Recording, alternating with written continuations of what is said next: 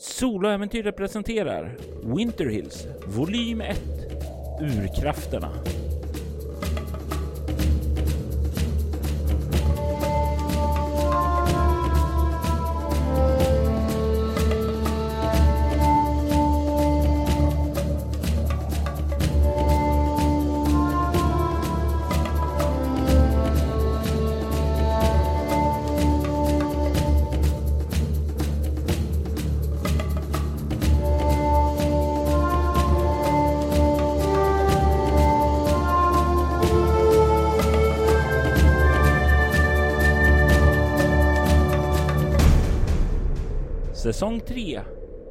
Avsnitt 19 Control Sjätte delen I en naturlig grotta så ligger Nicholas alldeles våt efter att ha varit vid dödens avgrund och vänt. Samuel räddade honom ifrån att drunkna och begav sig upp för att se till att någon kontaktade Dr. Hartman och sedan tog han med sig Mrs Newton ned till grottan för att där hjälpa Nicholas.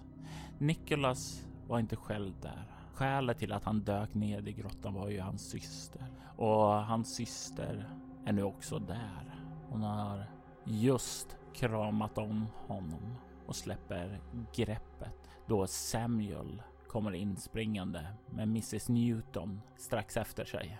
Samuel, du ser din vän ligga där och hur hans syster sitter på knä vid hans sida och håller honom tätt intill sig. Och du hör bakom dig hur Mrs Newton eh, var och liksom nästan springer förbi dig fram emot Nicholas och säger Nicholas, Nicholas, vad, vad, är du, är du okej? Okay?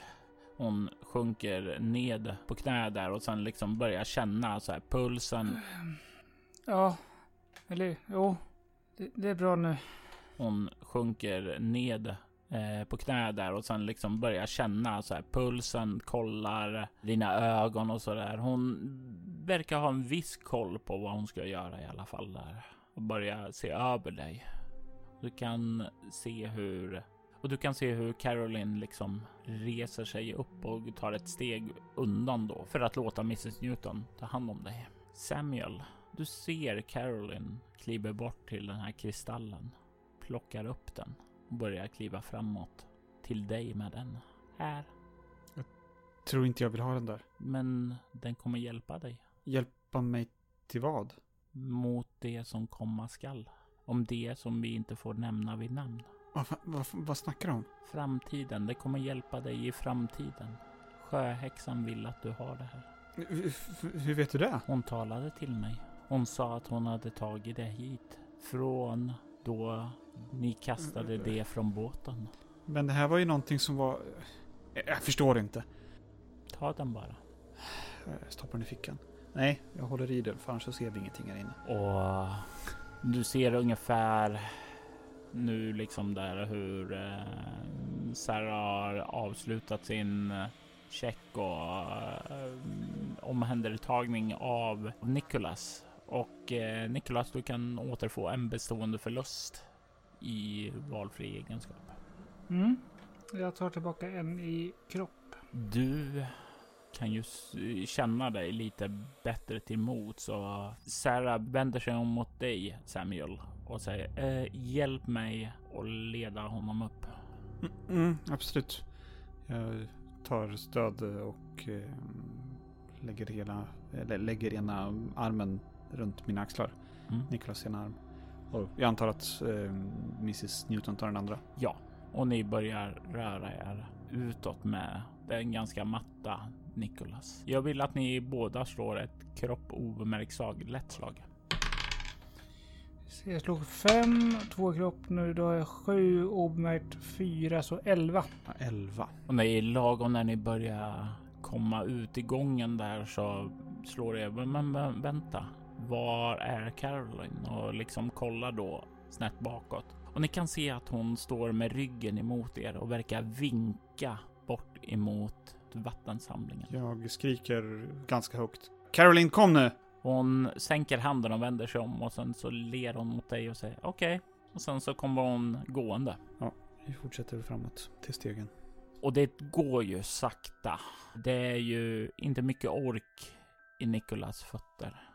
Ni kommer fram dit och det är ju en hel del bök för att få upp honom. Och när lagom som när ni börjar komma upp där så kan ni höra hur Fortseg börjar närma sig upp ifrån biblioteket som är på väg hit. Ni drar upp Nicholas den sista biten och Caroline börjar klättra upp. Då ni kan se Elisabeth komma och med sig har hon Dr. Hartman, en eh, kvinna i 30-35 års ålder eh, långt brunt hår, klädd i ordentliga kläder, eh, har med sig en sjukhusväska som hänger över hennes axel. Hon knäpper upp jackan, kastar av sig den när hon ser er komma där och börjar röra sig framåt eh, ganska snabbt till Nicholas och redan på vägen så verkar hennes ögon liksom skanna av över vad han har varit med om. Nicholas säger hon, sätt dig ner här, sätt dig ner. Jag sätter mig ner. Och du kan se att hon börjar gå igenom en ordentlig läkarundersökning. Hon lyser dig i ögonen, hon eh, kollar din puls och alla de här sakerna gör. Hon frågar, hon ställer kontrollfrågor och sånt där. Och du hamnar ju i en situation där det är väldigt mycket intensitet så du lägger inte märke till så mycket om vad som sker där utan, runt omkring. Elisabeth kliver fram till dig Samuel och kollar lite oroligt bort emot Nicholas och säger Vad var det som hände? Jag, stoppar, jag har stoppat ner kristallen i fickan. Eh, Caroline, den, den grottade nere med, med, med vatten. Eh, Caroline hade tagit sig dit och hoppade i vattnet eller, vart, eller något. Eh, jag förstod inte riktigt och jag såg bara att eh, Nicholas hoppade i vattnet. Simmade ner i en undervattensgång där. Jag simmade efter och fick ut honom till slut. Och du kan se att hon kollar väldigt, väldigt tacksam på dig och säger Tack Samuel. Tack för att du fanns där för Nicholas. Ja, ja absolut.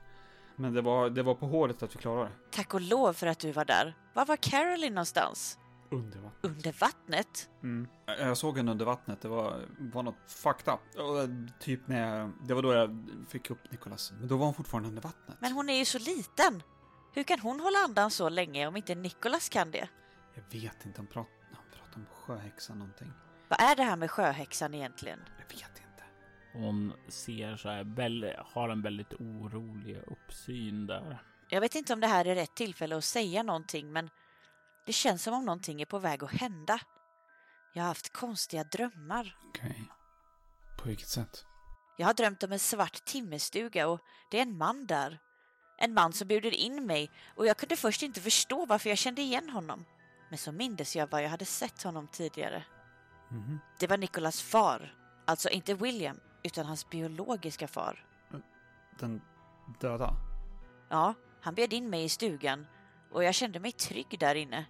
Jag hade blivit jagad där ute av någonting. Och sen liksom vänder hon sig med ryggen mot de andra. Ni står ju en bit bort där, eh, men hon vänder sig ändå bort för att liksom inte visa det då hon gör härnäst. Du ser hur hon drar upp sin tröjärm och du kan se att hon har ett bandage över armen. När jag kom dit så kände jag mig trygg och han tog hand om mina sår.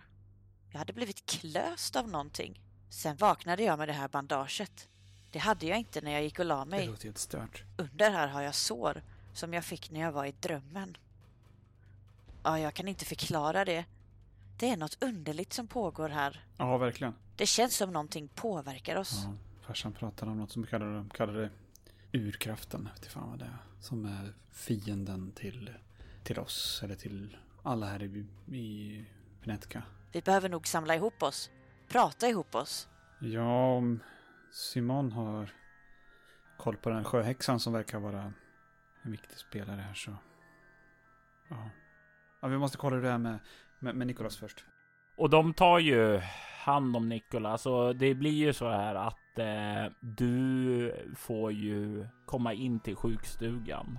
Eh, det blir ju också att de kontaktar dina föräldrar Caroline följer med dig eh, medan ni andra då får eh, order att bege er tillbaka till skolan. Ni kan komma och träffa honom efteråt, säger Dr. Hartman.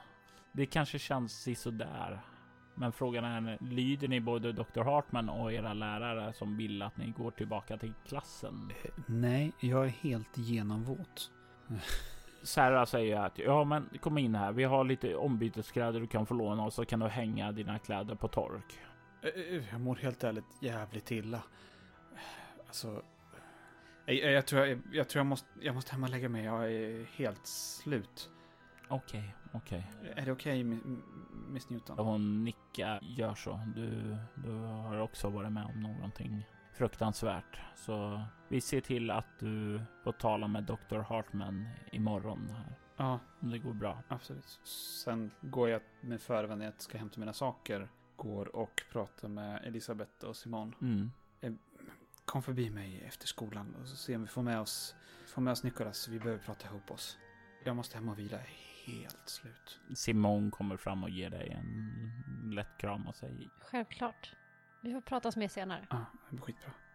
Sen så byter jag om då till lite ombyteskläder som finns och sen så släpar jag mig hem och kollapsar i soffan en stund.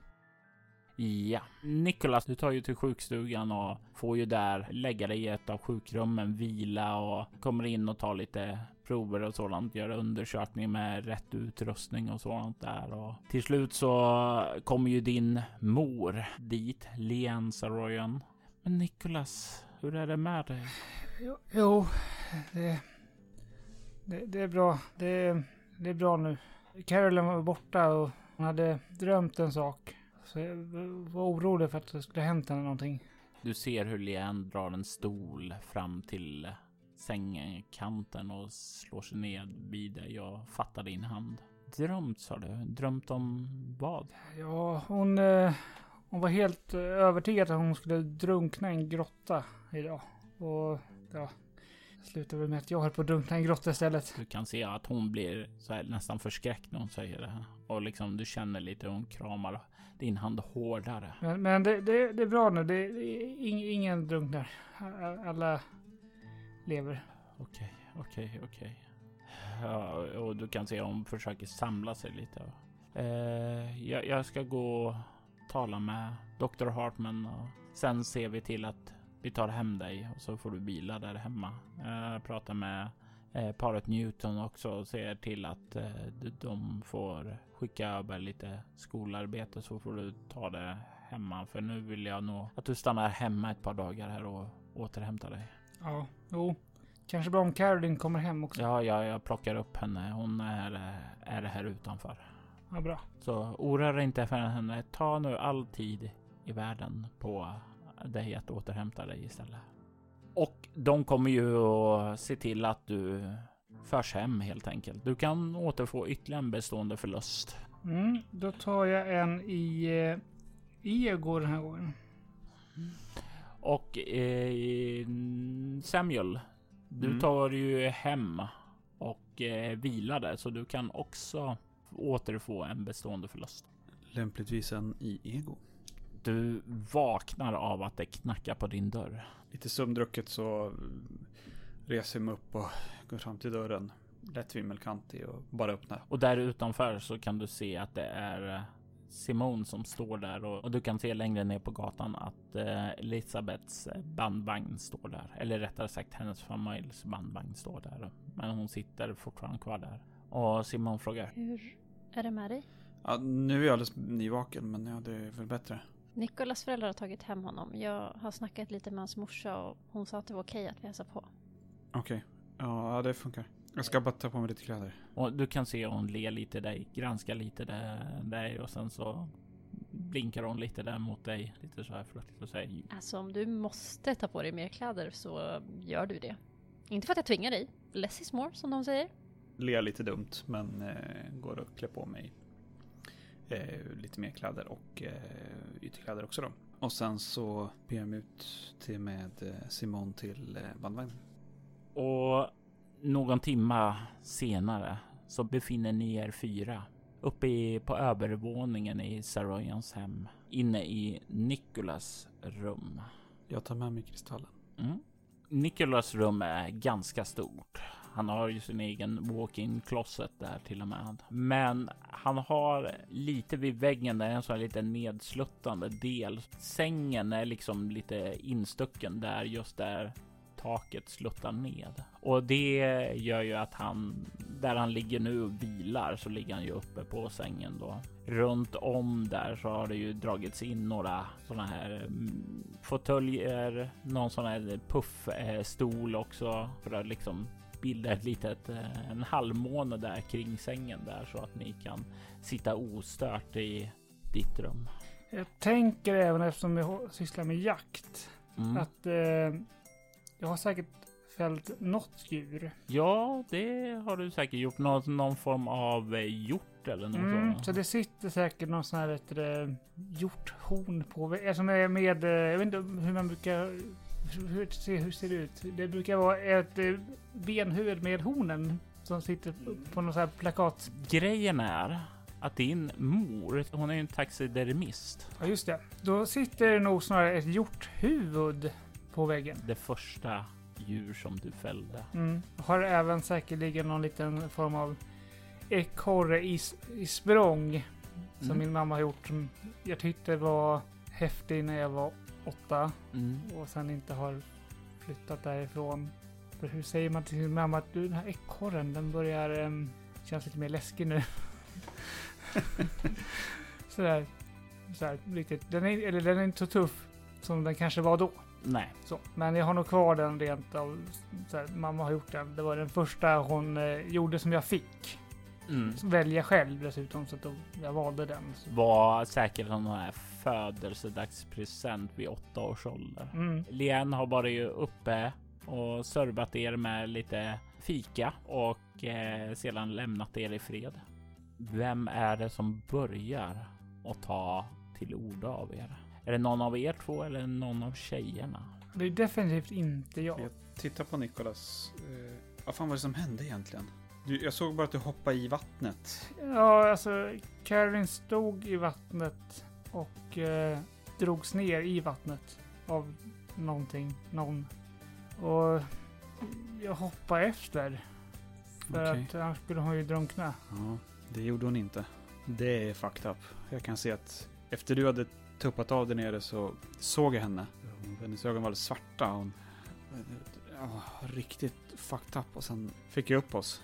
Jag tittar på Samuel och ser ut som ska börja säga någonting men säger ingenting. Sen pratade, när hon kom upp så pratade hon om sjöhäxan och att sjöhäxan ville att jag skulle ha det här, säger jag och visar den här kristallen. Och den flashar ju direkt upp när du tar fram den i ett lila sken. Den här gjorde farsa och jag av oss med. Vi slängde ut den till havs. Till havs? Ja, typ säkert en halvtimme rakt ut till havs så slängde vi ut den. Men hur hamnade de nere i den gången då? Caroline sa att sjöhäxan ville att jag skulle ha den. Alltså gången som eh, simmade ner i leder med största sannolikhet ut i havet. Ja, ja. Jo, jo. Men vågorna kan väl inte ha fört in kristallen där? Och vad är det här för snack om någon sjöhäxa? Du har hört grejer Simon om sjöhäxan. Jag har hört många gamla skrönor om henne men jag vet inte riktigt om det är läge för det nu.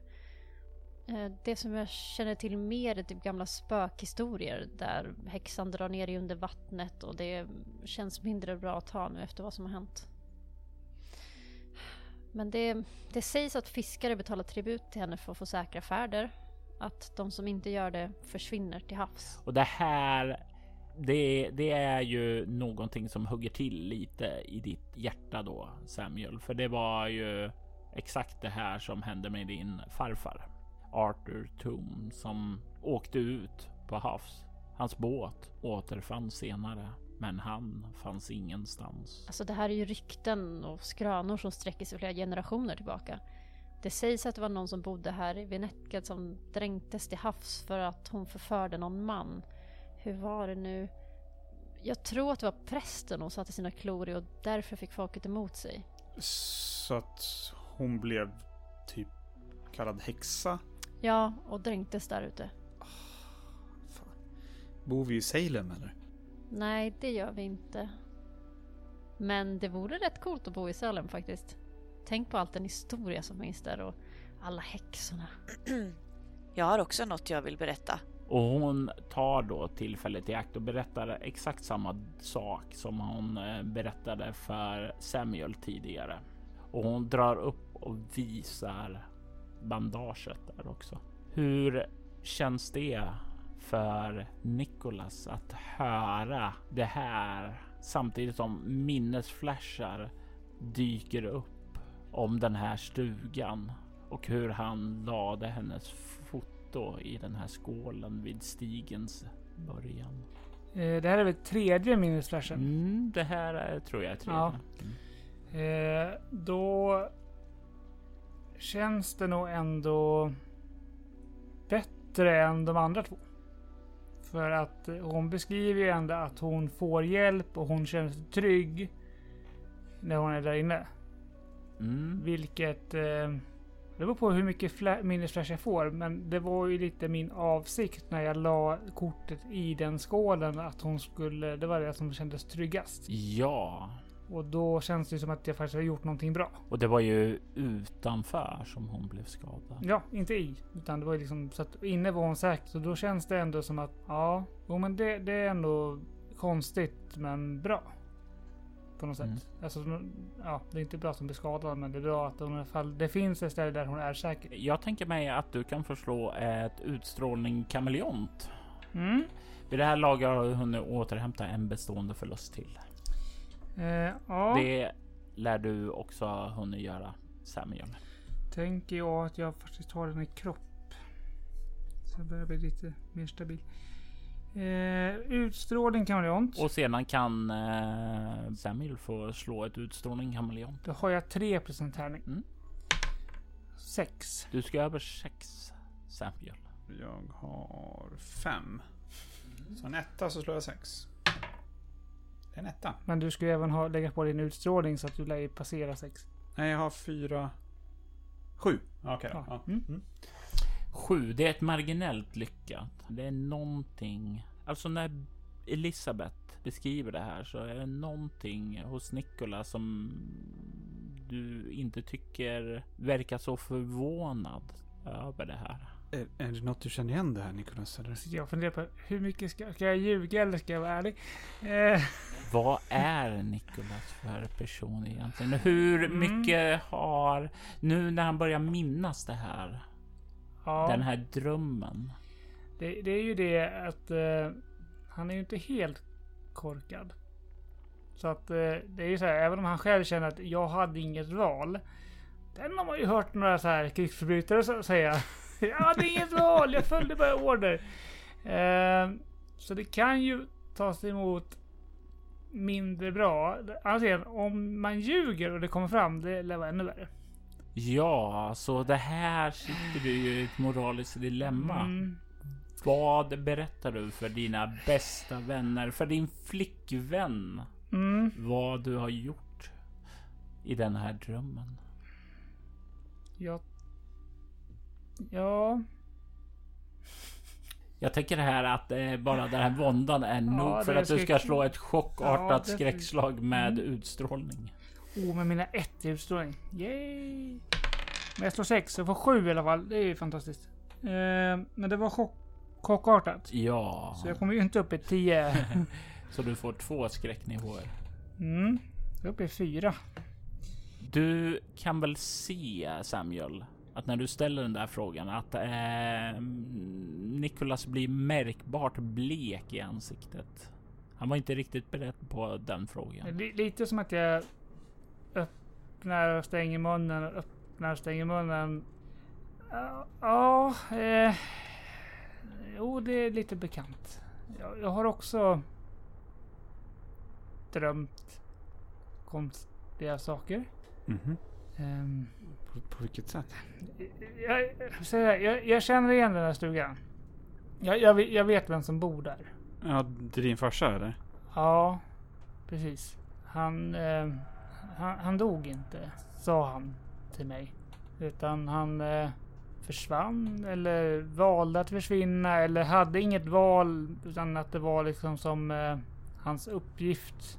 Eller vår familjs uppgift. Någon i vår familj har till uppgift att finnas där. I den här svarta stugan? Ja, och exakt vad gör...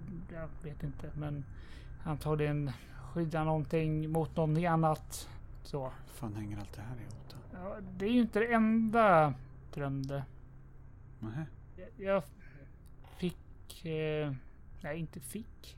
Blev tvungen i drömmen att eh, göra vissa val. Så Mhm. att... Eh, vet inte. Vilka val då, Nikolas? Mm, Alla här sitter ju väldigt intensivt och lyssnar på Mm. vad du har att säga nu. Du känner verkligen allas uppmärksamhet på dig. Tittar inte på någon. Jag tittar nog ner i... Liksom, jag sitter ju i sängen och tittar nog ner på täcket. Snarare. Mm. På, ja, det kan vara så att eh, mm, det, det är lite mitt fel. Vadå ditt fel? Hur då? Att, eh, ja, det som händer er. Eh, Eller ja, Varför skulle det vara ditt fel?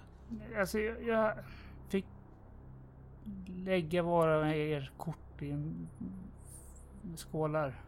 Och om jag inte valde att lägga några kort i några skålar så skulle det gå värre för er än vad det gjorde om jag la er i någon skål. Så därför la jag er i någon skål. Och jag la er i den skål som jag tror att ni skulle klara av bäst. Så jag la Elisabeth i skålen hos min pappa eftersom jag visste att det var den säkraste platsen. Hon säger ingenting utan bara verkar nicka tyst för sig själv. Och vad la du mig i för skål då? Ehm, jag la dig... Du måste förstå att ehm, Vad la du mig i för skål? jag, jag la dig i en av de två skålar som var kvar. I den, och den var nog den mest fysiskt krävande. Men du är också den som jag tror skulle klara av det fysiska bäst. Du la mig i en skål som var fysiskt krävande. Istället för att lägga Simon i den skålen. Okej. Ja, det märks att det här var en dröm i alla fall. Ja, Simon hamnade i den konstigaste skålen. Har det någonting med röd sand att göra? Ja, För jag har haft drömmar om ett tält i en röd sandöken. har du gått in i tältet? Det finns en röd dam där inne som talar i kryptiska gåtor och rim. Mm. Alltså, jag vet inte hur jag ska förklara det. Hon, hon verkar ha en logik som jag har svårt att följa och inte riktigt kan förstå. Det är som att hon talar latin, engelska och tyska i samma mening. Mm. Ihopflätat, som att det är naturligt men att det ändå inte är det. Det är jättesvårt att förstå vad hon säger. Jag kan förstå delar av vad den röda damen säger men liksom inte helheten. Hon är farligare än hon ser ut tror jag. Det känns som att du vet vad det här är för något. Nej, jag vet inte vad det är för något. Jag vet bara vad jag tror. Och jag, det lilla jag tror är inte så mycket. Ja, Jag har haft en dröm om han, vad hette han då? Lazarus. Ja, Lazarus var inte där. Som var, Men det var- stjärnan alldeles röda och... Ja, det var grotta eller grottsystem eller gruva. En gruva som eh, du nådde genom en död skog. Och längst, eller ja, så långt in som jag kom. Det, det väntade någonting där. Som jag sprang ifrån sen. För den, jag vet inte vad det är. Men det var någonting mörkt och rött. Liksom, som du sa att stjärnan lyste rött. Det lyste liksom som rött ifrån den. Fast den var mörk som en skugga. Typ. Om en skugga var gjord av tjära eller liknande. Det ly- lyste liksom rött ur bröstet. Så det pulserade liksom rött ur... ur Som, som ett hjärta då, eller vadå? Ja, inte hjärtformat kanske, men det, det är som ett hjärta. Men jag vet inte. Det var starkt rödaktigt sken. Ja, okej. Ja, Du har pratat om tre personer nu. Mm, Jag gissar att du var den sista personen. nej, du sa att Caroline inte drunknade. Nej, precis. Fast eh, det, det gjorde hon ju. Uppenbarligen inte. Jo, hon drunknade för att hon inte skulle kunna drunkna igen. Va? Hon... Hon blev tagen av sjöhäxan. Ja, precis. Och det var det hon pratade om i alla fall. Och det var där som jag la henne också. Hos sjöhäxan. Ja. Eftersom att sjöhäxan pratade med mig i min dröm om att den som de helst ville ha var Caroline. Då tänkte jag att om det är henne de helst vill ha så kommer de göra henne, minst ont. Om det skulle vara någon som gör någon ont. Alltså, när drömde du det här egentligen? Det var ju ute den kvällen då du blev ihop med Elisabeth. Så det är tre månader sedan. Typ. Ja, ungefär. Tre månader sedan ungefär. Och jag har inte minst något av den här drömmen förrän var och en av er börjar berätta om er dröm. Er separata dröm, drömmar. Och varje gång som någon har berättat någonting har jag liksom brottstycken av min dröm. Och nu när alla har berättat sina delar, då kan jag minnas min dröm. Om det makes sense. Det här är ju något riktigt weird shit. Och jag kan ju säga att det verkar ju... Jag antar att eh, åtminstone alla vi tre, säger jag och pekar på alla utom Simone, uh, har familjehistorik i det hela också. Farsan snackade om att det var flera generationer tillbaka, ända sedan Venetica grundades så hade man slutit förbund med, jag antar att det är sjöhäxan, mot den här urkraften som fanns här på platsen. Du kan se hur um, Elisabeth verkar nicka instämmande. Han gjorde en jävla tatuering på mig också, farsan. En tatuering? Ja. Rycker upp tröjan och visar. Kan se hur de båda damerna kikar noga på det. Eh, men kanske lite av olika anledningar. Simon är den som dock verkar kliva fram till dig och börja föra sin hand över tatueringen.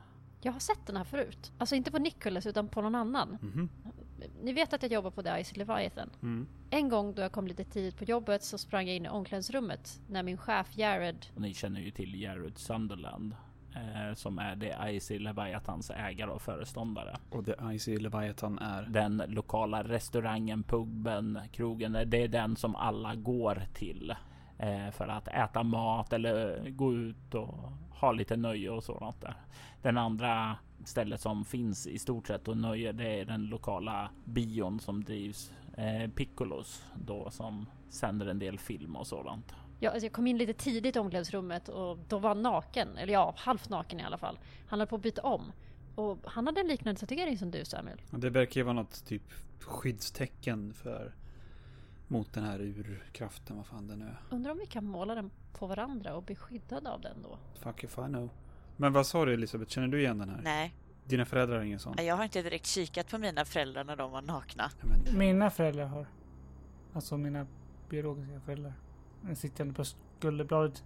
Inte... Okej. Okay. Nej, jag har inte reflekterat över det. Jag kan försöka speja på dem och se om jag ser något. Vänta! Det är något annat som slår mig nu. Ja, inte just den här symbolen, men jag har ett vagt minne av att det ska finnas ett landmärke med liknande symbol. Alltså som består av prickar och streck. Ingen vet riktigt var den kommer ifrån. Men att den är så gammal att det kanske kommer från inuiterna långt innan vi flyttade hit. Men här i närheten här i... Ja, här! I Winter Hills! Så det är troligen något som är kopplat till vad som finns här i trakten. Din syster för övrigt sa ju att det var lite creepy när hon gav tillbaka den här och sa att det här var vad, vad sjöhäxan ville att jag skulle ha tillbaka den här för att jag kommer behöva den i framtiden. Mm. Jag skulle nog den ändå om jag var du. Det är en sak som slår mig. Säger Elisabeth och pekar på den. Den lyser lila nu, men det gjorde den inte där nere. Där lyste den vit. Mm -hmm. Varför lyser den i olika ljus? Vad betyder de olika färgerna? Kanske hur nära sjöhäxan den är? Ja, varför inte? Det var lite olika ljus i min dröm. Aha. Det var två som var mer röda och två som var mer blå. Var det blått i min? Och rött i mitt? Ja. Ja, det var rött i min. Och blått i Carolyn. Så rött och blått blir ju lila så att...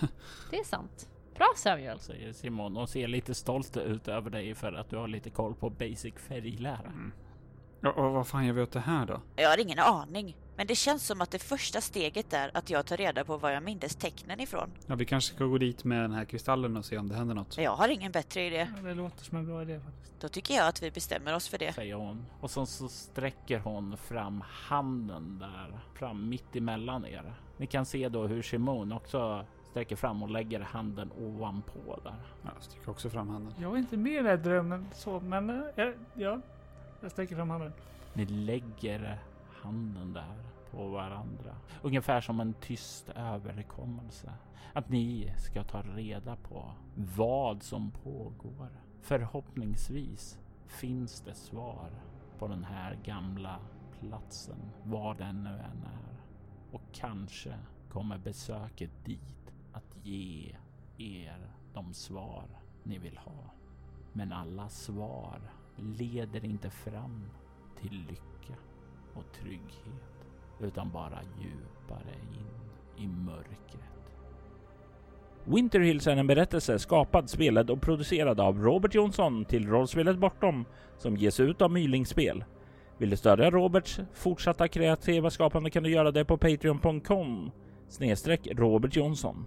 I detta avsnitt hör du Fredrik Mård som Nicholas Saroyan, Jonas Karlsson som Samuel Toom, Anneli Thunberg som Elisabeth Martin och Anneli Öhman som Simone Goodwin. Winterhills temamusik skapades av Andreas Lundström från Sweden Rules. Ni hittar hans musik på Spotify och Soundcloud. Musiken i detta avsnitt gjordes av Alfax One, Derek Fichter, Eludent, Lennon Hutton, Mattias Hell, Nikolaj Heidlas och Vestigium. Den sångslinga som kan höras i samband med Sjöhäxan är en ljudeffekt hämtad från Freesound, skapad av användaren Timber. Länkar till skivbolag och artister hittar du i avsnittets inlägg. Soloäventyret är en actual play podcast där vi spelar skräck och science fiction. Ni kan mejla oss på info bortom.nu. Följ oss på Instagram som ett spela bortom eller som Soloäventyret på Facebook. Vill ni ha liknande poddar som denna kan ni spana in våra spin-off-poddar Altors Vidder och Valery Chronicles. Mer information om dem hittar du på bortom.nu. Mitt namn är Robert Jonsson. Tack för att du har lyssnat. Vi vill ta tillfället i akt att tacka, hylla och hedra våra Patreon-backare. Daniel Lantz, Marcus Florberger, Morgan Kullberg, Fredrik Derefelt, Ty Nilsson och Niklas Österlund. Ert stöd är djupt uppskattat.